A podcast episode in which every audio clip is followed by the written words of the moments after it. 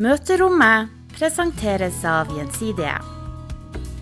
Velkommen til møterommet, rommet der Marie Brudevold og Line Marcelius samtaler med gjester om livet på jobb og verden utenfor.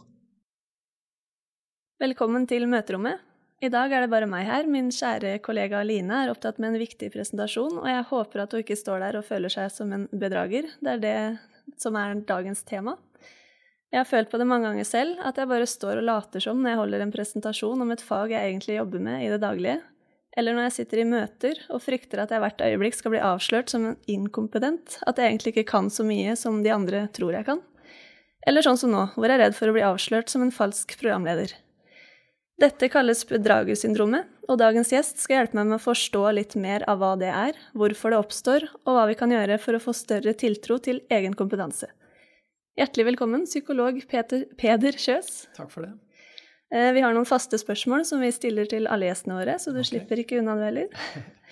Hva var den første tanken som slo deg da du så deg selv i speilet i dag tidlig? Å, i dag tidlig um, Ja, det husker jeg ikke. Hva var det første jeg tenkte da? Jeg tenkte Ja, tenkte jeg må prøve å spole det litt tilbake, da. Det var for tidlig. Eh, ja, det var ganske tidlig. Altså, Jo, nå tror jeg jeg husker jeg, det var at jeg gidder ikke å dusje ennå. Jeg tar det litt seinere. Det tror jeg var det første jeg tenkte. Første bevisste tanken jeg hadde. Eh, Hvis du ja, kunne det så ut som et litt håpløst prosjekt å begynne på å prøve å få dette her til å se bra ut. Kjent problem. Ja? Eh, Hvis du kunne få nøyaktig hvilken jobb du ville, hva skulle det ha vært? Um, da tror jeg egentlig at jeg ville hatt den eh, jobben jeg har nå. Um, Det er veldig mange som svarer. Ja, det håper jeg jo. Jeg er jo glad for at folk svarer det. Og jeg er glad for å kunne svare det sjøl òg. Um, jeg trives veldig godt med det jeg gjør nå. Nå holder jeg på veldig mye med eh, eh, sånn Ja, jeg holder foredrag og skriver bøker, og jeg holder på mye med sånn uh, utadvendt virksomhet, og det liker jeg veldig godt. Så um, Men jeg har likevel, det er, det er likevel ting jeg godt kunne tenkt meg å gjort mer av da, i jobben min. Akkurat nå har jeg f.eks. veldig lite eh, klienter i terapi. Det skulle jeg gjerne hatt mer av. Så det håper jeg å få til litt, kanskje litt utover våren eller noe sånt. Ja. Så vi får se. Så ja. ja, det er mange ting jeg kunne ha lyst til å gjøre. Eh, Hvis du kunne fått et møte med hvem som helst, død eller levende, hvem ville du helst ha møtt? Nå vil jeg helst møte en som er levende. Det er litt hyggeligere. ja, ikke sant? Um, et møte med hvem som helst Jeg vet ikke. Er er det der folk pleier å si Nelson Mandela, eller det Noen har sagt han, ja. mm. Um, eh, vet du hva, jeg tror, jeg, tror det har vært, jeg tror det har vært interessant å gå, eh, gå langt tilbake. Snakke med noen eh, Ja, det har, vært- det har vært kult også um, det vært kult å prate med noen som levde i steinalderen, liksom. ja. Det hadde vært interessant. Ja, det er interessant.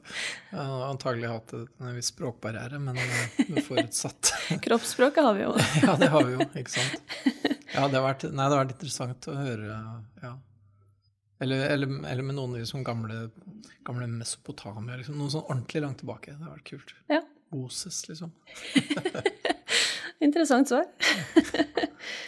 Mange kjenner deg kanskje, eller navnet ditt, fra NRK-serien Jeg mot meg, og du har også en egen podkast som heter Hos Peder. Mhm. For de som ikke har hørt eller sett deg før, kan du fortelle kort hvem du er? Um, ja, jeg er psykolog, da. Um, uh, det jeg har blitt kjent for, som du sier, er, er TV-serien uh, Jeg mot meg, som er en gruppeterapi. Det er en dokumentar på en måte uh, om en gruppeterapi hvor jeg er terapeut. Og så um, i Hos Peder, det er en podkast hvor det er individualterapi, da, som, som ja, helt ekte, ordentlig terapi. Som nå er inne i sin andre sesong, og nå i sesong to så har vi også utvida litt, så vi har med noen par. Det er kjempespennende. Jeg liker veldig godt å jobbe med par. Jeg syns det er utrolig interessant. Eller så, ja, så driver jeg og skriver. Jeg skriver litt bøker, og jeg skriver VG og litt sånn. Hvor lenge har du vært psykolog? Siden eh, 97. Det er jo en god stund. Ja, det begynner å bli en stund, det gjør det. Eh, Og så tenkte jeg vi kunne gå rett på sak. Ja. Hva er egentlig bedragersyndromet? Jeg tror du kan forklare det litt bedre enn hva jeg gjorde innledningsvis. Jeg syns forklaringen din var god. jeg. Eh, Bedragersyndromet er jo nettopp den der følelsen av at du har lurt alle, og at du kan komme til å bli avslørt når som helst. Den der følelsen av av utrygghet eller usikkerhet da, rundt om når er det um, sannhetens øyeblikk kommer, når er det alle rundt meg kommer til å skjønne hvor dum og liten og ubrukelig jeg egentlig er. Uh, ja, det er det. Frykten for liksom å ha oversolgt seg, kanskje, eller for å bli avslørt. Da. Kan det sammenlignes med prestasjonsangst, eller er det noe annet igjen? Ja, nei, jeg tenker det er en veldig um, relevant sammenligning, det. Det er mye um, Men prestasjonsangst kan gå på litt andre ting, òg. der er det jo mye med om du kommer til å klare det du skal gjøre. Um, mens kanskje bedragersyndromet handler jo kanskje mer spesifikt om liksom hva man forventer seg skal være konsekvensen av det. At, uh, at konsekvensene er sosiale. At folk ikke kommer til å like deg, eller folk kommer til å avskrive deg eller avvise deg. Da. Mens prestasjonsangst kan man jo ha for ting som er skikkelig viktig å få til, og som man er redd for ikke å få til. Ja, så bedragersyndromet er det kanskje litt mer sånn eller konstant, mens prestasjonsangst er før noe stort og viktig? Ja, det tror jeg nok. Og bedragersyndromet kan jo komme og gå litt. ikke sant? Mm. Veldig typisk sånn som du sa det der når man skal holde en presentasjon eller eksamen. Eksamensangst kan være mye samme. ikke sant? At nå kommer det for en dag. Nå blir det avslørt, liksom. Jeg har klart mm. meg så langt, men nå. ikke sant? Det er den følelsen der. jeg leste litt om det, at det er, eh, man føler at det er ufortjent anerkjennelse, mm. og at si at den jobben jeg har, at jeg har fått den pga. tilfeldigheter. Ja, det var pga. flaks, eller du gjorde så godt førsteinntrykk i intervjuet, eller uh, du kjente noen som kjente noen, eller en eller annen sånn ikke den riktige grunnen, da. Mm. Og at du sånn sett har liksom blitt oversolgt eller havna på feil hylle. Hvor mange av oss lider av det, tror du? Um, I større eller mindre grad, i kortere eller lengre perioder, veldig nær 100 Jeg tror de aller, aller fleste har kjent på det der. Um, men noen plages jo mye av det, og hvor mange det er, det vet jeg ikke. Men det er, det er nok en god del. Um, dette var noe som første gang ble studert av det var to psykologer um, i USA i 1978. Clans og Imes, husker jeg, tror jeg det heter, hvis jeg husker riktig. Som eh, hørte mye om dette her fra eh, kvinner, da, som, spesielt, som mente at de hadde bare fått jobben fordi at de hadde gjort et godt førsteinntrykk, eller de hadde lurt alle, eller det hadde blitt feil. Var, de var ikke bra nok, da. Så derfor så stressa de fælt da, med å jobbe mye overtid, som skjult overtid f.eks., som, som jo veldig mange driver med, egentlig. At du har en jobb, men du tenker at du egentlig ikke får til så mye som andre, så derfor så jobber du et par timer ekstra på kvelden. Um, ja. Og, så de tok litt tak i dette her og fant ut at veldig mange For, for i på slutten av 70-tallet var det en god del kvinner som begynte å få høyere stillinger enn det kvinner kanskje tradisjonelt hadde hatt. Og eller mange av de følte på dette her, da, at, at de hørte egentlig ikke hjemme i dette høye siktet. og det kom til å bli avslørt. Så, så de undersøkte det, og så um, gjorde de en ny uh, sjekk hvor de også liksom spurte menn da, om det samme, og det menn har det jo de også, selvfølgelig. Men, men jeg, tror er, jeg, tror nok det er riktig at kanskje enda flere kvinner har det enn menn. Fordi menn har jo generelt ofte en høyere selvtillit. Um, og en annen ting er at menn har lett for å legge uh, liksom Suksess, det tar man inn, mens uh, ikke-suksess, det legger man ut. ikke sant? At Hvis jeg gjør det bra, så er det fordi jeg er så flink. Hvis jeg gjør det dårlig, så er det fordi at jeg har blitt motarbeida, eller medarbeiderne mine er dårlige, eller det var uflaks, eller noe sånt. Mens kvinner så er det helt motsatt. Mm. At hvis de gjør noe bra, så er det flaks, eller det var fordi de fikk så mye hjelp, eller det var fordi de hadde så bra nettverk, eller whatever. Da, ikke sant? Men hvis de gjør noe dårlig, så er det bevis på hvordan de egentlig er. Ja. egentlig er jeg skikkelig dårlig, liksom.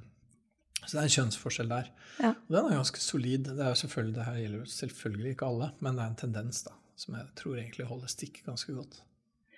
Vet du om det er noen tendenser på personlighetstyper, eller om f.eks. en vanlig ansatt eller leder? Om det er noen er det oftere de som fremstår selvsikre, som kanskje bærer en maske og egentlig føler seg som en bedrager? Ja, Det, det er ikke godt å si. Um, det, det, vet jeg ikke på noe sånn vitenskapelig grunnlag. altså Det blir mer ut fra hva jeg liksom ser og har erfart sjøl. Men jeg tror nok at det her kan kanskje gjelde mye for de som liksom er i et slags mellomsjikt.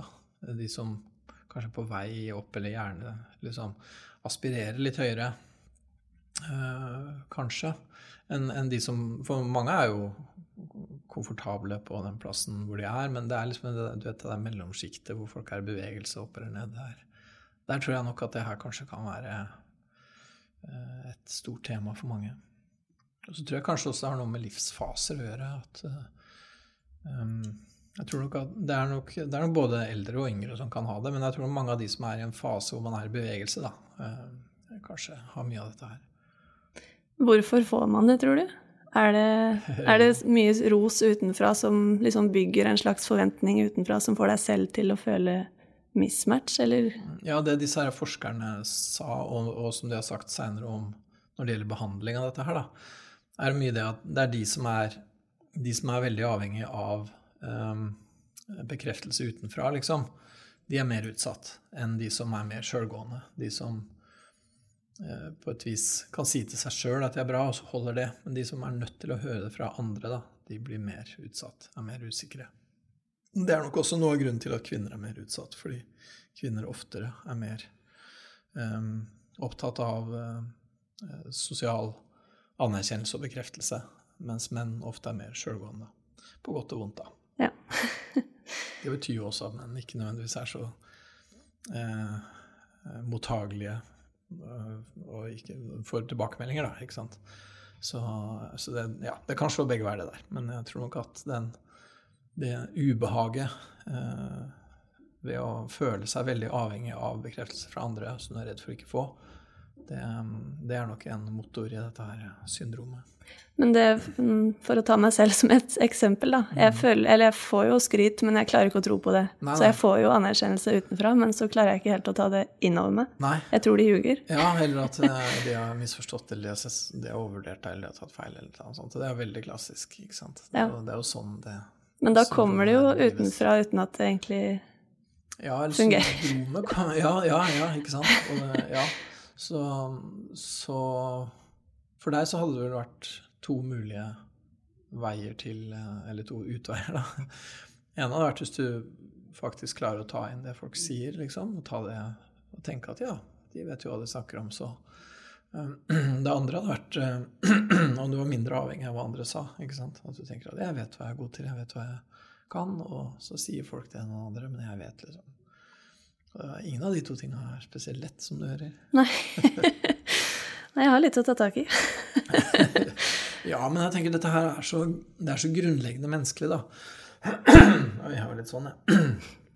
Fordi vi, vi, mennesker er jo sosiale dyr, vi er flokkdyr, ikke sant. Så vi er veldig opptatt av um, uh, hva andre syns og mener, og hvordan de anerkjenner oss, og hvordan de plasserer oss i hierarki. Da. Vi er jo hierarkiske vesener, som alle flokkdyr er. Mm. Du trenger å vite hvem som er over og under, og du trenger å vite hvor du sjøl hører til i hierarkiet. Hvilke trappetrinn er du på, liksom. Og bedragersyndromet er jo liksom eh, å tenke at du liksom har lurt deg opp et trinn høyere enn du egentlig hører til, da. Ja. Ikke sant?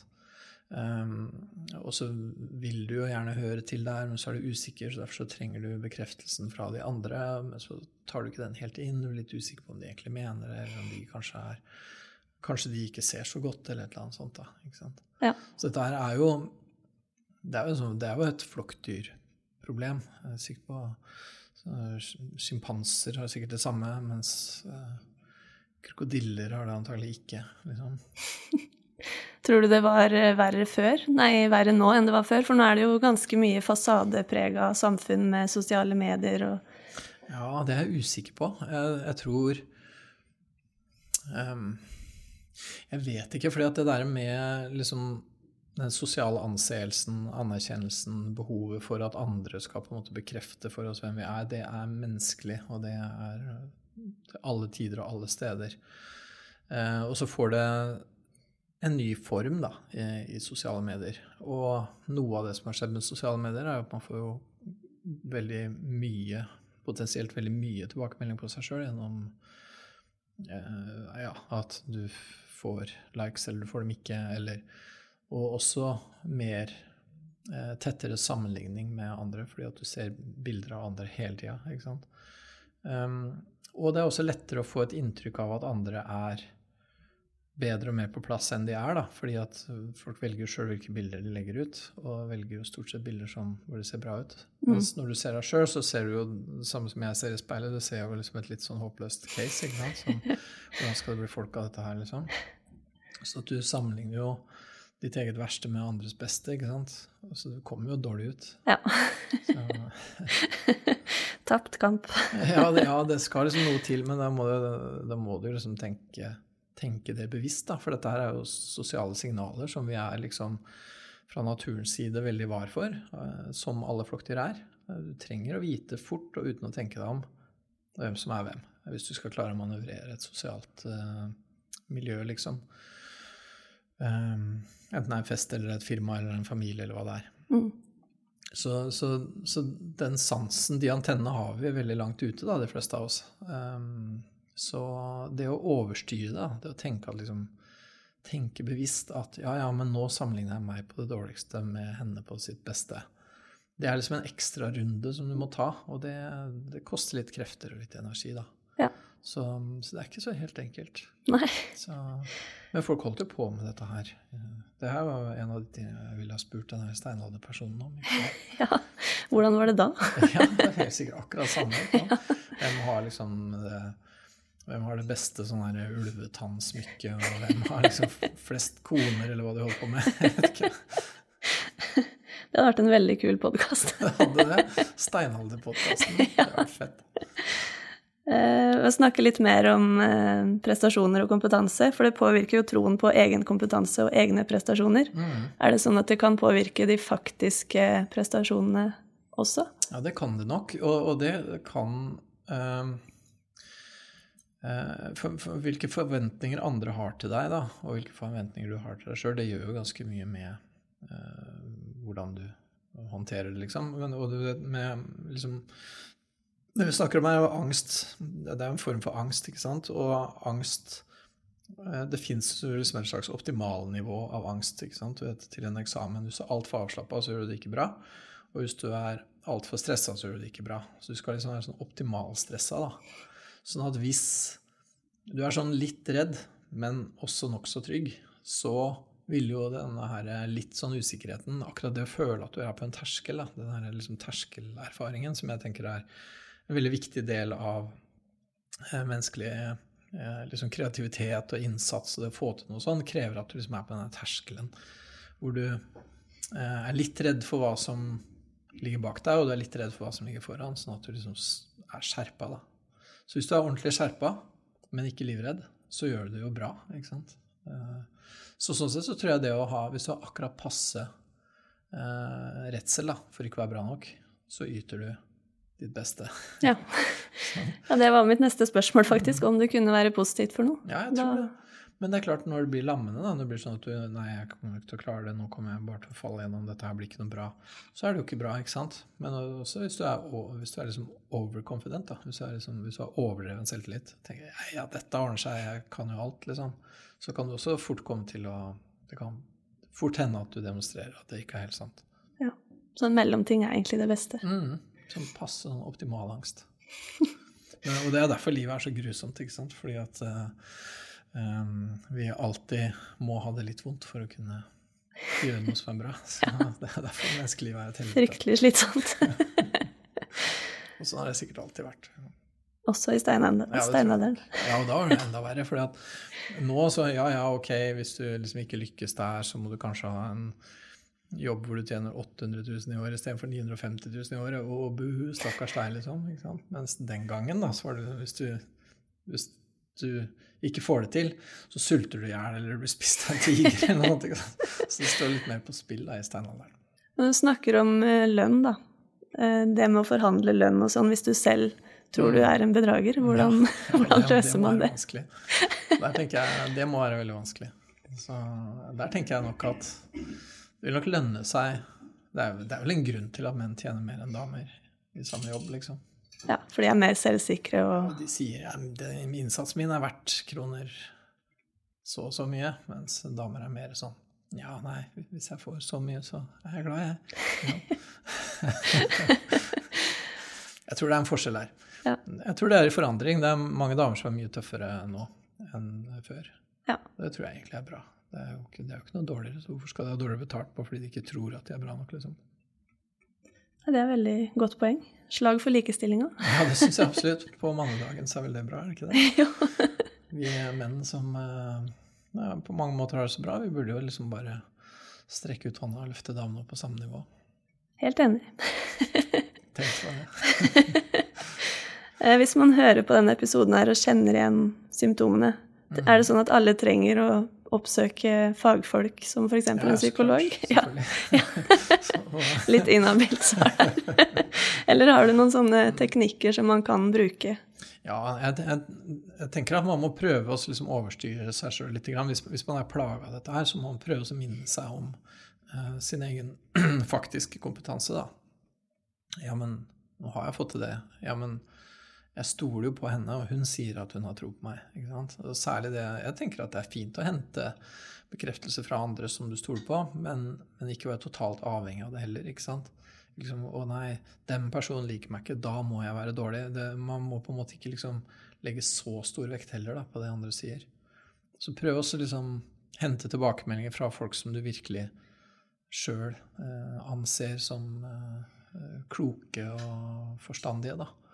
Um, og så tror jeg det er lurt å øve opp egentlig litt evnen til å belønne seg sjøl, ja, ja, men jeg vet, jeg kan det her. Ikke sant? Når det er objektivt. Det må jo være riktig, da, ellers så går det ikke. Men, Ja. Og det, og det, det, tror jeg, det tror jeg nok mange av oss kan uh, være flinkere til. Det å også liksom vurdere oss sjøl litt sånn litt mer objektivt, kanskje. da. Så um, Hvordan gjør man det? ja, det er jo ikke så lett, men man må jo se på hva er det, hva er det jeg faktisk får til. Ikke, ikke bare når du ligger om kvelden og får sove og tenker, ikke får sove og du tenker at du er dårlig og du ligger og oppsummerer alle dine nederlag, liksom. Men prøv å gjøre en litt bredere Unne deg sjøl og tenke litt ja, ja, men på den annen side, jeg fikk jo til det, da. Og så dette her, og jeg har jo det diplomet på veggen, liksom. Du er ikke bare lureri, du har jo prestert noe, liksom. Det er noen bevis der. Ja, det er noen bevis. Så, men samtidig så er det også en viktig side av det er jo på et vis også liksom holde ut litt det ubehaget ved den usikkerheten. da. Men den skal jo være usikkerhet og ikke angst. Det er jo to litt forskjellige ting. ikke sant? Mm. At hvis du liksom Ja, får jeg til dette her, da? Ja, jeg gir det et godt forsøk. Og skjerp meg skikkelig, liksom. Så husk på å belønne deg sjøl etterpå når du fikk det til. da. Veldig godt tips. Det var det jeg hadde tenkt til å spørre om, hvis du ikke har noe mer du føler du ikke har sagt. Eh, Helt Nei, jeg tror vi har vært innom eh, ganske mange sider av dette her. Så, men ja, eller hva syns du? Hjelper det å snakke om det sånn? Ja, jeg får jo litt å ta med meg hjem. Ja, det gjør det. Jeg må jobbe litt med tankemønster. Ja, ja. Men folk har det hjemme òg, vet du. Dette her, ikke sant. Folk har det overfor liksom eh, ektefeller og naboer og hva det måtte være. Man er jo opptatt av hvordan de oss ser på oss, ikke sant. Eh, så ja. Ja, man skal jo prestere overalt. Ja, man skal det, og, og det tenker jeg det er bare uh, Man må jo vurdere sjøl hvor, hvor mye man orker, da. Eh, Hvor høyt opp man syns det er verdt det å jobbe for å komme, liksom. Og så på et vis tenke at ok, jeg hører til på det nivået her, og det er greit. Og så liksom på en måte eie det litt, da. At eh, det, det er greit for meg å være her. Mm. Jeg trenger ikke være der, liksom. Når du føler at du liksom For jeg tenker det, det lykkeligste liv lever du jo når du klarer å realisere deg sjøl godt, da. Når du får til å gjøre det du er i stand til. Når du ikke strever for å få til noe du ikke kan. Og heller ikke når du sitter og slapper av i noe som er altfor lett. Men når du holder på og er liksom akkurat sånn optimalaktivert, og du utfolder deg sjøl i tråd med din natur, da, og du virkelig får brukt talentene dine, og du får gjort og du får oppnådd det du er god for, liksom. Det er jo da man er lykkelig. Ja. Enten du er norgesmester eller du er verdensmester. Balansen. Mm. Da gjenstår det bare å si takk for besøket. Jo, selv takk. Det var hyggelig.